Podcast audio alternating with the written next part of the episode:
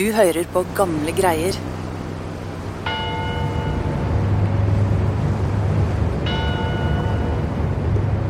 juni 1904. Ute i Atlanterhavet, et sted mellom Skottland og Nord-Amerika, er emigrantskipet DS Norge på vei mot USA. Det er morgen, og bølgene slår mot skipet mens besetningen gjør klar dagens frokost. Men de rundt 700 passasjerene får aldri spist frokosten sin. For klokken kvart på åtte hører de en ubehagelig lyd.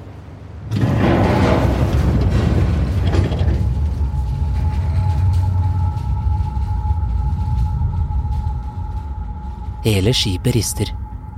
Kapteinen møter blikket til førstestyrmannen. Hva var det? Ingen har noen anelse. Kan de ha truffet et gammelt vrak? Men hvordan er det mulig her på mer enn 180 meters dyp? Plutselig kjenner de et nytt kraftig støt.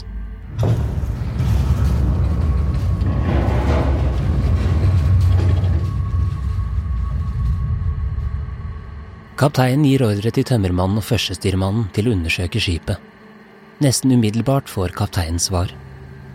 DS Norge tar inn vann. Skipet synker.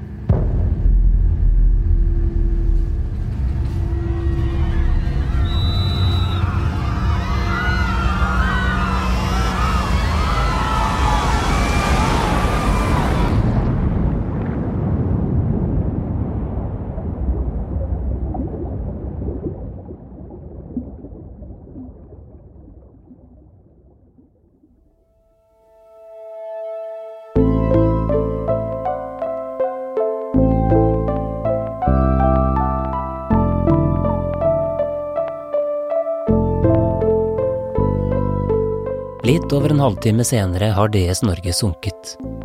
Når nyheten om forliset når Norge, vekker det kraftige reaksjoner, og det ender med en rettssak. I det som i dag er en glemt nasjonal tragedie. Tankene går med en gang til at dette er vår Titanic-katastrofe, og den kunne vi trukket mye lærdom av. Men eh, dessverre så måtte det flere katastrofer til før eh, sikkerheten til sjøs virkelig ble styrka.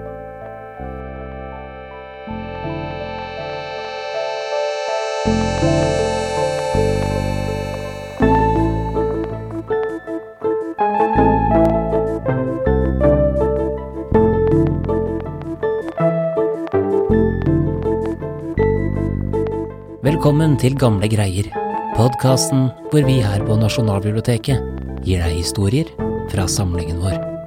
Mitt navn er Lars Hammeren Risberg.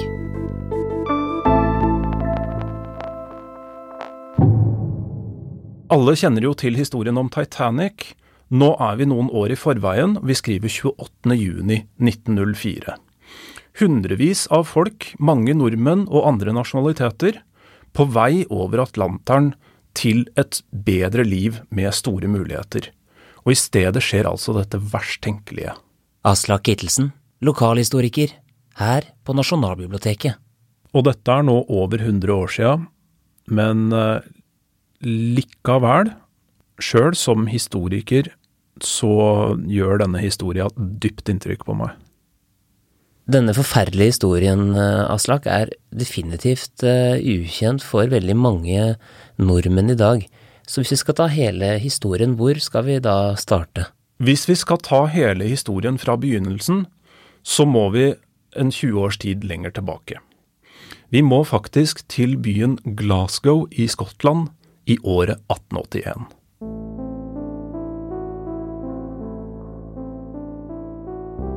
I Glasgow i 1881 så er det stor aktivitet.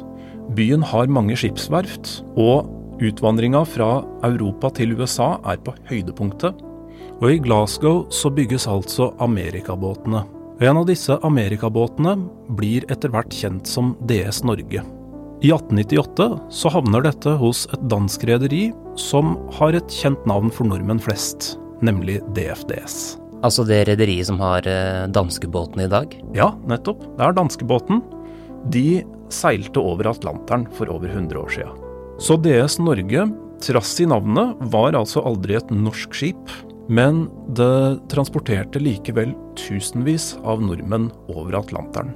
Og det er også planen onsdag 22.6.1904, når skipet ligger til kai i København.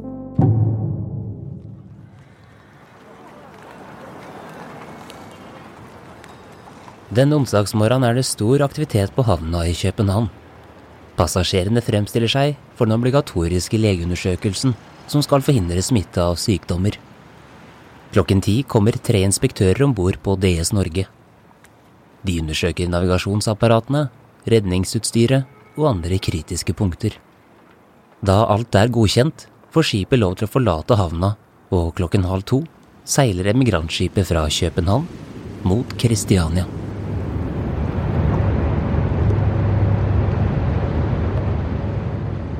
Kvelden etter seiler DS Norge inn mot Oslofjorden. Det er sankthans, så det er bål langs Oslofjorden hele veien. Litt etter midnatt legger de til kai i Kristiania. Neste morgen kommer det noen hundre passasjerer til om bord, og etter en kort tur innom Kristiansand begynner den store reisen over Atlanterhavet. Nå er det 795 mennesker på skipet, med forskjellige nasjonaliteter. Hvis man kun ser på passasjerene, er det nøyaktig 727. 72 dansker, 103 svensker, 259 russere og finner, to tyskere, to briter, fem amerikanere og 284 nordmenn.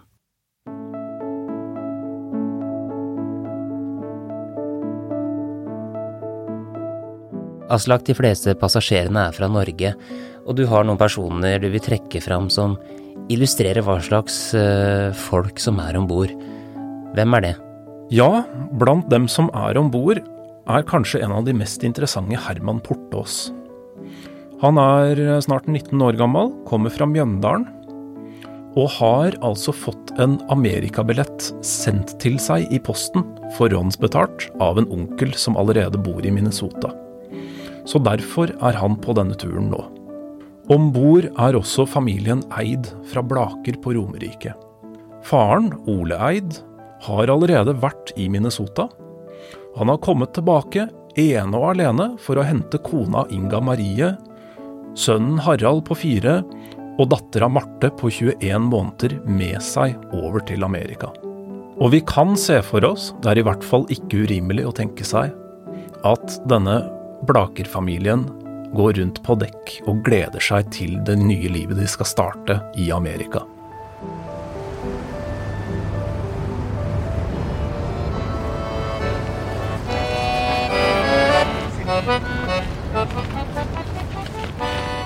Datoen er 26. juni. På dekk blir det nå arrangert dans med trekkspill, fiolin og andre instrumenter som passasjerene har med seg. De forskjellige nasjonalitetene om bord kommer godt overens under den improviserte festen. Noen danner vennskap, andre kjenner kanskje på en forelskelse i kroppen mens de danser med en fremmed. Herman Portås er ikke å finne på soldekket. Han er opptatt med sterke drikkevarer under dekk med nye venner. Mens festen er godt i gang, kan passasjerene se de mektige klippene på Skottlands nordkyst i horisonten.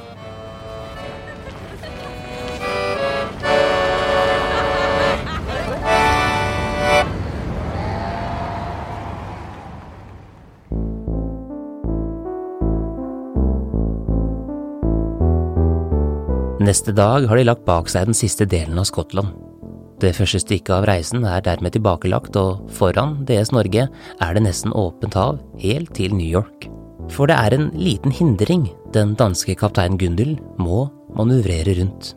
Ca. 350 km vest for Skottland ligger Rockall, som er en rundt 17 meter høy klippe, og er godt synlig på avstand i klarvær. Kaptein Gundel må nå avgjøre om han skal gå nord eller sør for Rockall. Men han har seilt sør om Rockall mange ganger før. Han vet at det fungerer, så det velger han også å gjøre denne gangen. Derfor staker han ut en kurs som vil ta dem tolv kvartmil sør for Rockall. Så har kapteinen også tatt en ekstra forholdsregel, for han vet at å passere Rockall kan bli litt trøblete hvis det er dårlig sikt. Så før han legger seg kvelden 27.6, så gir han førstestyrmannen ordre om å vekke ham hvis det blir dårlig sikt. Og med det så legger kaptein Gundel seg til å sove og tar natta denne kvelden 27.6.1904.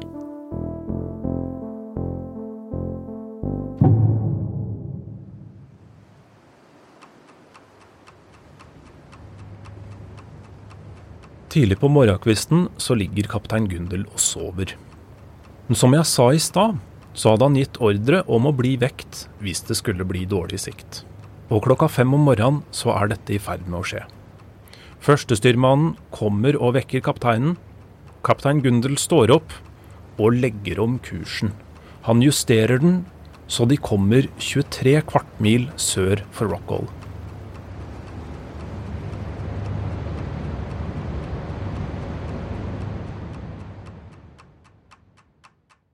DS Norge seiler videre i tjukkere og tjukkere tåke over de neste timene. Klokka kvart på åtte høres et brak, og det rister i skipet.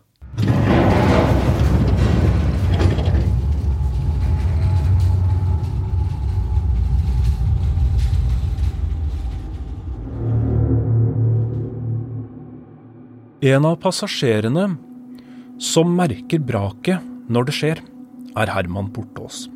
Han har vært sjøsjuk natta igjennom, og nå på morgenkvisten så har han fått en liten flaske whisky fra sine skotske venner mot sjøsjuka. Han er akkurat i ferd med å ta den imot, da han og den ene skotten blir slengt veggimellom inne i lugaren.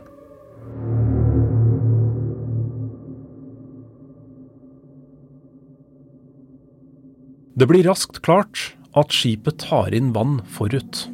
De forsøker å tette vanntette skott, de forsøker å pumpe vann, men til ingen nytte. Over de neste minuttene så skråner skipet mer og mer med baugen lavere enn akterenden. Og det er nå blitt klart at livbåtene må låres. Men det er et problem. Det finnes livbåter bare til 250 personer, og det er 727 passasjerer om bord.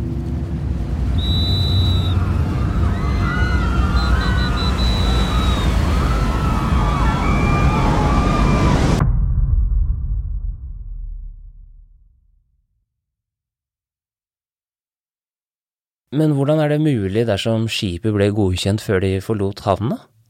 For det ble jo det med tanke på sikkerheten? Ja, det ble godkjent, for det var ikke noe krav til at det skulle være livbåter til alle om bord. De fire båtene og fire jollene som DS Norge hadde, var innafor det, det som var akseptabelt ifølge lovverket. Da er det jo en dødsfelle slik det er nå. Ja, det er det. Og på mer enn én måte. Ikke engang alle som kommer seg i livbåtene er trygge. De firer først livbåt nummer sju. Den er litt i fulleste laget, men et par meter over havoverflata så tar en dønning tak i den og knuser den til pinneved mot jernskroget på DS Norge. På dekk er det kaos. Oleid og familien befinner seg midt i det. Han ser desperat rundt seg etter ledig plass i de få livbåtene. I samme sekund blir panikken større og rett etterpå ser Ole at kona og sønnen Harald blir presset over rekkverket på DS Norge og faller ut i havet. Ole skal aldri se dem igjen. Med vesle Marte under armen står han på dekk. Han er knust, men han kan ikke stå stille. De to må berge livet. Ved livbåten er det slagsmål. Kaptein Gundel roper fra kommandobroen. Vekk med mennene! Kvinner og barn først i båtene. Men det hjelper ikke. Slåsskampen på dekk fortsetter. Med Marte rundt armen gjør Ole alt han kan og får til slutt plass i en livbåt idet den er i ferd med å låres.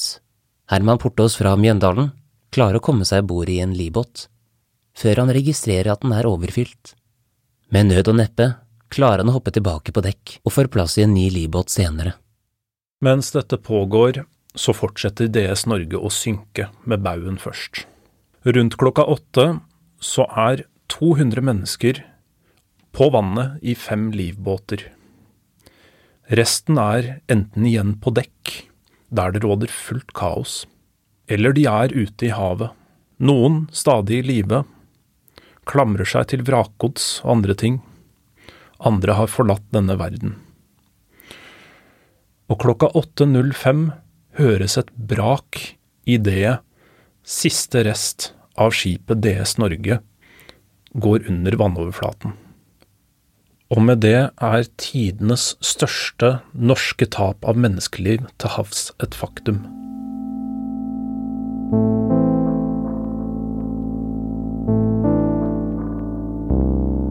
Da DS Norge dro av gårde, var det 795 mennesker om bord. 628 mistet livet. 224 var nordmenn. Det var aldri noe vrak skipet traff. DS Norge hadde gått på et undervannsskjær.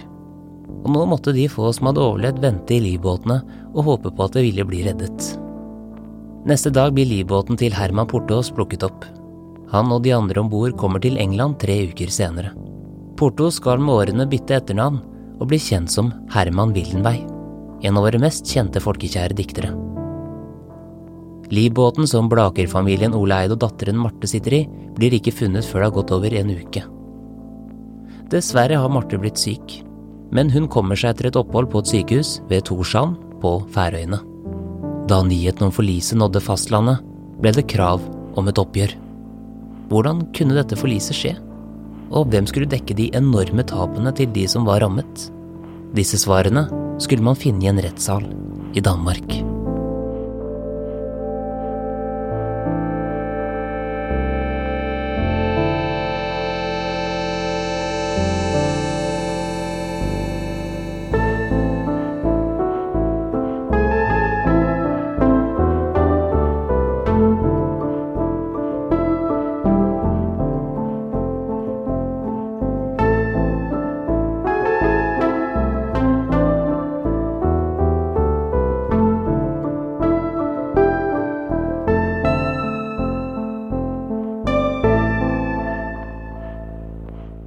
Chris Nyborg, du er lokalhistoriker her på Nasjonalbiblioteket og kjenner godt til historien om dette forliset, og ikke minst eh, rettssaken.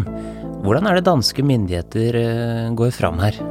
Ja, Først så må det holdes en sjøforklaring, og det starter de med allerede sommeren 1904, kort tid etterpå. Det skal skje fort dette her, mens ting er klart i binde. Og ekstra viktig var det at uh, ting var uh, festa i hukommelsen, fordi at loggboka var tapt. Og dette sto om navigasjon, ikke sant? og da må folk faktisk huske hva de har eh, gjort gærent for at vi skal finne sannheten. Så er det et problem her, fordi at eh, skipet seilte fra Norge, men var i dansk eie, og sank utafor Storbritannia. Hvem er det som skal bestemme hva som skjer her? Og det ender med at de finner ut at jo, skipet er dansk, så det skal skje i Danmark, dette her. Og det er dansk lov som skal legges til grunn i utgangspunktet.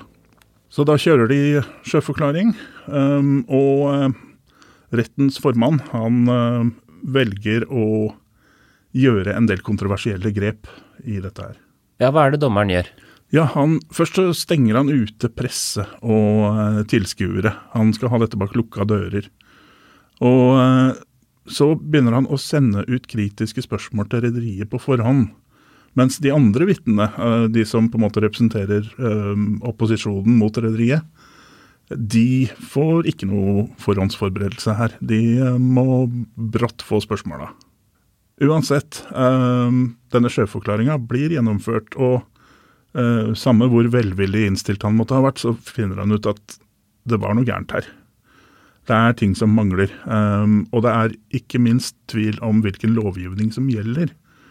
Det er nemlig sånn at det har kommet mange nye lover i det siste før det her. 1903 kommer det en ny forordning som betyr ganske mye for sikkerheten på sjøen. Og kanskje er det den som gjelder, og da har noen problemer. Og Derfor så kommer det en innstilling om at både kapteinen og rederiet må stilles for retten. Og det må jo ha vært en enorm lettelse for overlevende og pårørende å få høre at ja, de skal stilles for retten, de skal stå til ansvar uh, for det her. Og selvfølgelig kan det også utløse erstatningssaker, som er kjempeviktig for folk. Og så begynner da rettssaken, og hva er det som vil avgjøre utfallet her? Ja, Det store er jo spørsmålet om hvilken lovgivning det er som gjelder.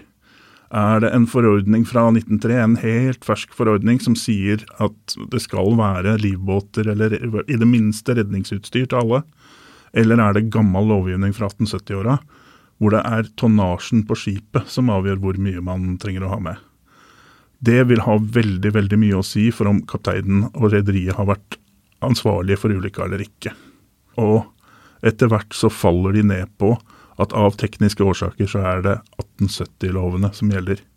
Skipet har nemlig blitt solgt til Danmark før den nye forordningen trer i kraft, og er ikke underlagt eh, den.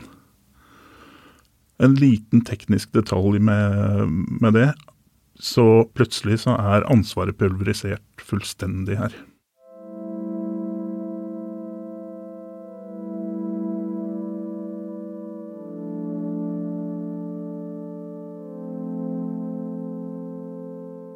Rederiet og kapteinen blir frikjent. Det eneste nederlaget er at kaptein Gundel må betale 600 kroner i saksomkostninger. Med tiden ble forliset av emigrantskipet DS Norge glemt. Det var et forlis som burde vært et varsel for alle rederier. I Norge tok man faktisk lærdom av ulykken. Men for resten av verden måtte det en enda større tragedie til før man handlet. Tankene går med en gang til at dette er vår Titanic-katastrofe, og den kunne vi trukket mye lærdom av, men uh, dessverre så måtte det flere katastrofer til før uh, sikkerheten til sjøs virkelig ble styrka. Men uh, det blir faktisk satt i gang litt arbeid fra norske myndigheter. Det kommer en hastebegjæring om å få nye regler, og i 1906 så kommer det på plass en forordning som sier at det er passasjertallet som avgjør hvor mange livbåter det er, og ikke tonnasje. Så i 1909 så begynner dette å gjelde for utenlandske skip som seiler fra norske havner også. Det betyr at Titanic hadde vært underlagt krav om livbåter til alle hvis den hadde tatt en sving innom Norge før den dro over Atlanteren. Så vi hadde disse reglene på plass, eh, ikke da DS Norge gikk inn, men pga. denne katastrofen med DS Norge. For resten av verden så kom det eh, senere. Det måtte den gigantiske Titanic-katastrofen til før de også innførte den type regler.